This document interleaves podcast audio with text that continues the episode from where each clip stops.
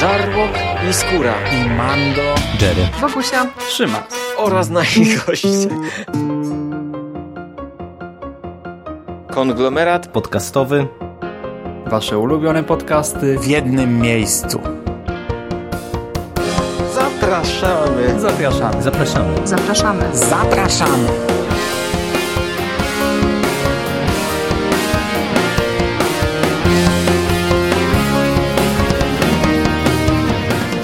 Witam w konglomeracie podcastowym, czyli na platformie, która zbiera wszystkie Wasze ulubione podcasty w jednym miejscu. Ja nazywam się Hubert Spandowski, a dzisiaj opowiem Wam o trzecim tomie serii Millennium Stiga Larsona pod tytułem Zamek z piasku, który runął. Dzisiaj zamykamy główną, podstawową trylogię cyklu Millennium. E, tak jak powiedziałem, recenzując poprzedni e, tom, e, trzecia część tej serii jest jego bezpośrednią kontynuacją. Tak naprawdę zaczynamy dokładnie w tym miejscu, w którym urwał się poprzedni tom. Ja postaram się mówić e, o tym tomie bardzo ogólnie, postaram się mówić bez spoilerów i postaram się też nie spoilerować poprzednich tomów, dlatego te podcasty są takie krótkie. Nie chcę tutaj robić jakiejś analizy treści, e, ale warto jest pamiętać, że e, tom drugi i trzeci tworzą tak naprawdę całość. To jest całość przecięta w połowie, chociaż to też nie jest tak do końca oczywiste, bo te książki to są inne książki to nie jest tak, że drugi tom nie skończył nam czegoś. Nie, on doprowadził większość wątków do końca, do pewnego punktu i od biedy historia zakończyła się, a trzeci tom to jest y, taki, tak jakby sequel, który następuje od razu, bezpośrednio po tych wydarzeniach z tomu drugiego, kiedy, wiecie, teoretycznie to się skończyło, ale można zaraz zadać pytanie, a co się stało z tym bohaterem, a kurczę, a jak ona udowodni to, a jak oni y, udowodnią winę temu i tak dalej, i tak dalej. No filmy często tak się kończą, że gdybyśmy zaczęli analizować, y, czy ta historia faktycznie się skończyła, no to nie, można ją bezpośrednio od tego punktu poprowadzić dalej i coś takiego mamy właśnie w tym przypadku. To nie jest dokładnie druga połowa całej historii, bo trzeci tom również e, dość mocno różni się od tomu drugiego. W tomie drugim na końcu wychodzą na jaw pewne fakty, które teraz w trzecim tomie e, wychodzą na prowadzenie. To są główne wątki tomu trzeciego. Ten trzeci tom też zaczyna nam odwracać pewne wydarzenia z tomu drugiego e, my, czytelnicy, wiemy e, o pewnych sytuacjach, wiemy jak było, wiemy, że było tak i tak, no ale nagle nie ma na to dowodu. Według prawa to, to nie jest tak do końca oczywiste, to nie jest tak jednoznaczne. No i początkowo ta książka przyznam, że jest trochę wkurzająca. Wkurzająca, denerwująca, nieprzyjemna. Pod, podobnych epitetów używałem mówiąc o tomie drugim. Ponieważ ponownie rozgrzebywana jest historia Lisbeth Salander, która w poprzednim tomie została no, w naszych oczach oczyszczona z wszelkich zarzutów i poznaliśmy wiele istotnych, e, ciężkich faktów z jej przeszłości. I, I teraz to wszystko wraca, wraca na pierwszy plan i znów zostaje przekręcone, znów jest rozdrapywane, rozgrzebywane i tak naprawdę Wiele osób chce znów powrócić do tej sytuacji, w której Lisbeth znajdowała się w dzieciństwie. Teraz znów oczernia się ją w oczach prawa, w oczach opinii publicznej i w oczach niektórych bohaterów książki. E, do tego bardzo mocno eksponowany jest e, temat, który jakoś tam przewijał się już od pierwszego tomu, przy czym w pierwszym tomie on schodził na drugi plan, wydawał się mniej istotny, a, a okazało się, że tak naprawdę był to jeden z głównych tematów tej trylogii, czyli ubezwłasnowolnienie Lisbeth Salander, zamknięcie jej w szpitalu i nad tą bohaterką znów wisi y, powrót do szpitala psychiatrycznego. Ja się przyznam, że ja nie znoszę takich motywów. Nie znoszę czegoś takiego, gdy yy, zdrowe osoby są na skutek kilku prostych jakichś manipulacji doprowadzane do takiej sytuacji, że trafiają do szpitala psychiatrycznego. To jest motyw często wykorzystywany w popkulturze, ale on mnie przeraża i on sprawia, że ja się czuję tak źle e, obcując z taką historią, bo zaraz zaczynam się zastanawiać, e, jak szybko ja zostałbym wytrącony z równowagi przez osoby, które wiedzą, jak manipulować człowiekiem, jak manipulować umysłem, jak przedstawiać fakty w swoim świetle, a, a druga rzecz, że zawsze zastanawiam się, ile osób w szpitalu psychiatrycznym tak naprawdę jest normalnych, zdrowych, ile osób tam trafiło e, na, na skutek właśnie takich zabiegów i ostatecznie może zwariowali, a może nadal gdzieś tam walczą ze sobą. No tak, takie myśli zaraz mnie nachodzą. Nieprzyjemnie mi się takie rzeczy czyta. I gdyby tak tutaj było przez większość książki, no to ja przyznam, że mógłbym jej nie zdzierżyć. E, na szczęście, na szczęście dość szybko na scenę wkraczają ci dobrzy. Druga strona, dobrzy bohaterowie, którzy e, prowadzą swoje działania e, po to, by uratować Lisbeth Salander. No i oni bardzo prężnie działają i to działają na najwyższych szczeblach.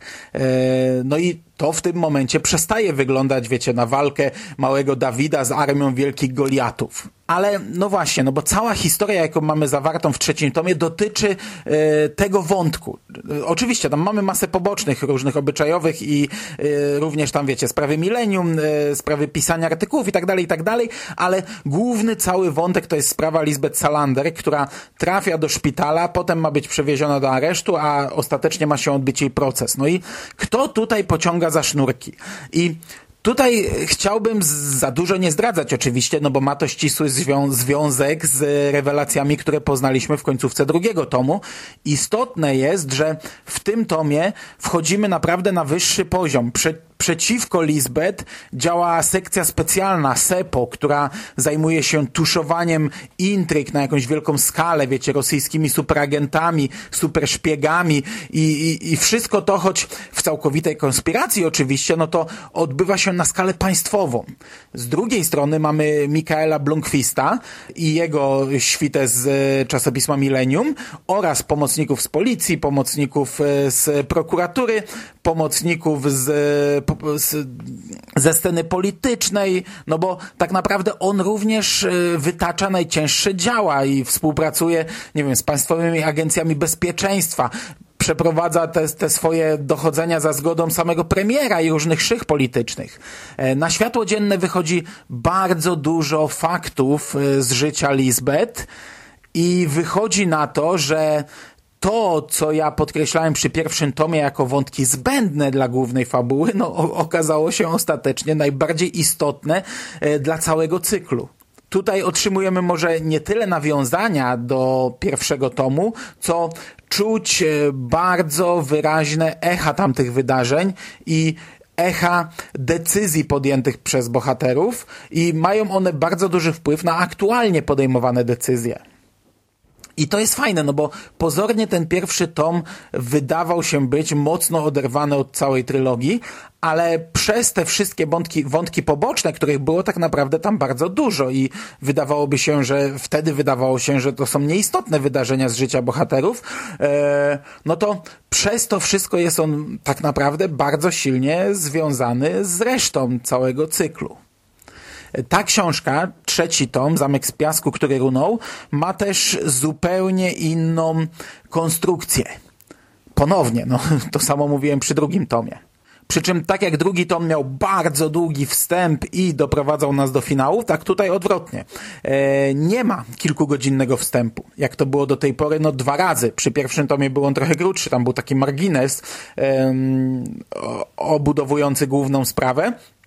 Przy drugim tomie był bardzo długi wstęp, tutaj tego nie ma. Tutaj od razu jesteśmy wrzuceni w wir wydarzeń. No, zaczynamy w momencie, gdy zakończył się drugi tom. E, mamy oczywiście całą masę wątków pobocznych. Jest e, bardzo dużo miejsca poświęconego na nową pracę Eriki e, w, wielkiej gazecie, jej, jej problemy z prowadzeniem tej gazety, jej problemy z zarządem, problemy ze stalkerem, który prześladuje ją i atakuje i włamuje się jej do domu. No i dużo wątków erotycznych, tak jak to było w poprzednich tomach. Bardzo dużo opisów różnego rodzaju seksu pomiędzy różnymi bohaterami.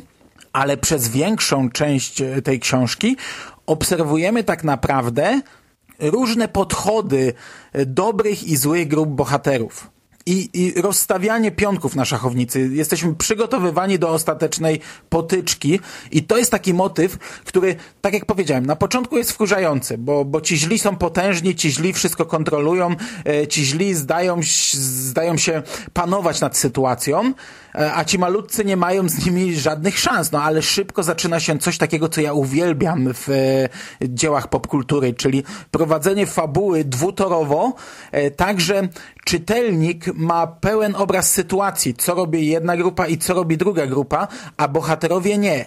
E, ci źli, wiecie, robią swoje nieświadomi tego, o czym wiedzą ci dobrzy, jak się zabezpieczyli, co planują na większą skalę i jak bardzo mają ich już na widelcu. Ja bardzo lubię takie zagrania w, w tekstach kultury i tutaj właśnie mamy coś takiego. Tam nie wiem, od powiedzmy jednej trzeciej książki to jest prowadzone właśnie w taki sposób i y, nie jest to trzymane w tajemnicy przed, przed um, czytelnikiem i bardzo dobrze, bardzo dobrze. To się naprawdę bardzo miło śledzi, a wcale nie wpływa to na y, obniżenie jakoś emocjonalności y, całej końcówki, tej konfrontacji między nimi bo wiecie, można by powiedzieć, kurczę, no tak naprawdę wiedzieliśmy wszystko, wiedzieliśmy jakie działa wytoczą w tym finale, mogli to zostawić w tajemnicy, ale nie, no przy tak grubej książce y, to by źle zagrało, gdybyśmy przez całą książkę żyli w niewiedzy, a na koniec by tutaj nas zaskakiwali. Ten finał i tak działa i to działa bardzo dobrze. No, cały ten spektakl w tej finałowej części książki to są wydarzenia no, no niemal wyreżyserowane przez bohaterów. Takie, do których prowadzono nas przez całą książkę. Tutaj nie ma zagadki kryminalnej, nie ma jakiegoś głównego złego, który gdzieś tam kryje się w cieniu, którego nie znamy, który na koniec książki pojawia się niespodziewanie, jest wiecie, wielkie wow, nie?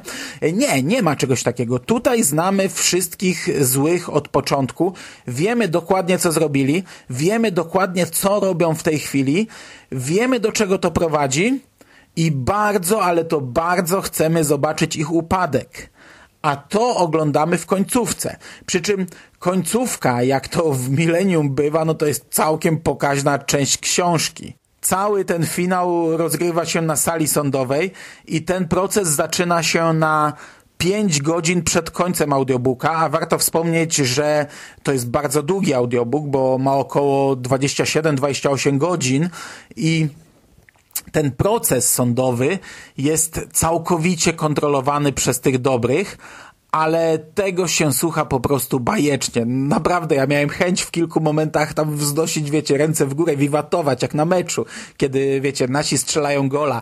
Jesteśmy świadkami perfekcyjnie przeprowadzonego zmiażdżenia tych złych bohaterów i to jest e, fantastyczne, bo choć my jako czytelnicy mamy obraz całej sytuacji, to emocji jest tutaj bez liku i mnie się naprawdę ten finał słuchało doskonale. Niestety minusem tradycyjnym jest mnóstwo powtórzeń.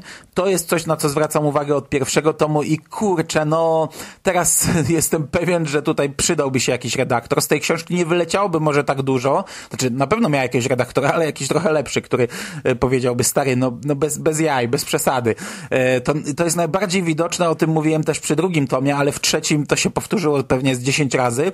Przy opisywaniu e, relacji Mikael Blomqvist, Erika i jej mąż ponieważ Mikael i Erika mają romans od 20 lat, a Erika jest w szczęśliwym związku małżeńskim i ten romans, do tego romansu dochodzi przy akceptacji męża. Mąż zdaje sobie sprawę, że Erika y, musi spotykać się z Mikaelem, ale dopóki wraca do niego, dopóki informuje go o wszystkim, to on y, nie ma z tym problemu i to jest podkreślane, to jest nam opisywane za każdym razem, gdy dochodzi do jakiegoś spotkania pomiędzy Eriką a Mikaelem, czy, czy pomiędzy Mikaelem a mężem Eriki, czy w ogóle gdy umawiają się na wieczór, czy gdy prasa coś o nich pisze, no kurde, no co chwilę, co chwila. Wiecie, po dwóch tomach my to już czytaliśmy pewnie z 10 razy, a mam wrażenie, że w tym trzecim tomie, oczywiście może trochę przesadzam, ale mam wrażenie, że tu to z 10 razy padło jeszcze. A jak się słucha tak, jak ja to jak ja tego słuchałem w taki sposób, że wiecie, bardzo szybko przesłuchałem te audiobooki, no to, e, to nasilenie jest dodatkowo widoczne. E, podsumowując, po pierwsze, to była niezła książka, Jeśli polubiliście już e, ten cykl, jeśli przeczytaliście dwa pierwsze tomy, no to trzecim nie zawiedziecie się. Jest świetny. Jeśli nie polubiliście, no to bez sensu brnąć dalej, no bo trzeci nie sprawi, że nagle zmienicie zdanie o tym cyklu. Natomiast podsumowując całą trylogię, ja jestem naprawdę bardzo zadowolony po pierwszym tomie, e, gdy doświadczyliśmy takiej zmiany, no to kurde, byłem trochę na nie.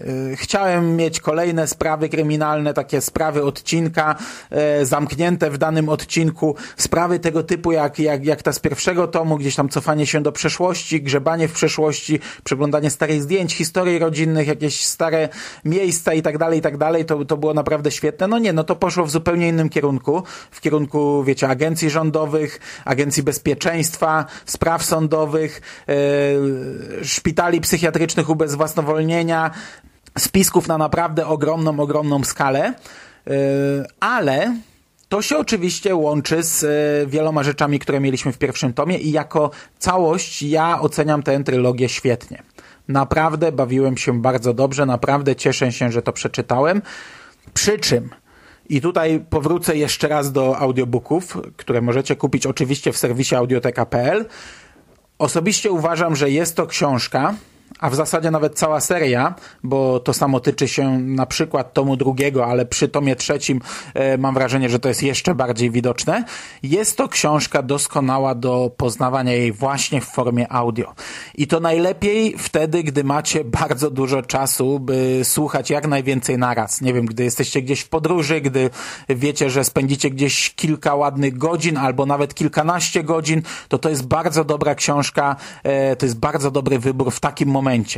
Nie wiem, czy gdybym czytał to w sposób tradycyjny i poświęcałbym na to, wiecie, po kilka czy kilkanaście stron dziennie, to czy nie rzuciłbym tego w cholerę. Bo tu jest masa rzeczy bardzo wydłużonych. I, i wiecie, w momencie, gdy ja poświęcałem na to powiedzmy 10 godzin dziennie w audiobooku, no to byłem w stanie przesłuchać taką książkę w 2-3 dni i nawet jak gdzieś było coś bardzo mocno wydłużone, to ja przepływałem przez to bezproblemowo, a e, cały finał, gdy mieliśmy pełno emocji, e, też przesłuchiwałem na raz, e, a nie tam, wiecie, na, podzielone na tydzień na przykład, bo to by mnie, mam wrażenie, rozchrzaniło tę scenę. Tutaj mamy naprawdę kilkugodzinne sceny, które są raczej zaplanowane, żeby je pochłonąć. Inna sprawa, że no, no nie wiem, czy gdy docieramy do drugiej części książki, wydaje mi się, że im dalej w las, tym coraz trudniej byłoby to czytać w małych dawkach, więc pewnie gdybym czytał to w papierze, to też łyknąłbym to na raz, bo pewnie e, ten finał jest napisany w taki sposób, że po prostu łyka się go na raz, bez względu na to, w jakiej formie go przyswajamy, w jakiej formie obcujemy z tą książką. Tak czy inaczej, ja polecam wersję audio, e, szczególnie, że jest fajna, spójna, czytana przez jednego lektora, doskonałego lektora, Krzysztofa Gosztyłę, czapki z głów, najlepszy lektor audiobooków, jaki, e, jakiego mamy na rynku.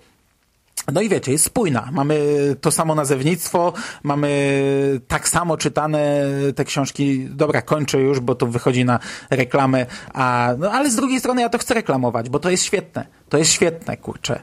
Nie dlatego, że ktoś mi za to zapłacił, a dlatego, że to jest po prostu dobre. I to by było na dzisiaj wszystko. Usłyszymy się już niebawem. Ja do Millennium wracam. Nie planuję kończyć tego na trzecim tomie. E, tak naprawdę już jestem po czwartym tomie i za chwilę pewnie będę po piątym tomie. Natomiast co sądzę o e, serii Millennium, która jest kontynuowana w tej chwili po śmierci Stiga Larsona przez e, Dawida Lagercrantza, o tym dowiecie się już z kolejnych podcastów. To by było na dzisiaj wszystko. Ja Wam bardzo dziękuję za uwagę. Trzymajcie się ciepło. Do usłyszenia w przyszłości. Cześć!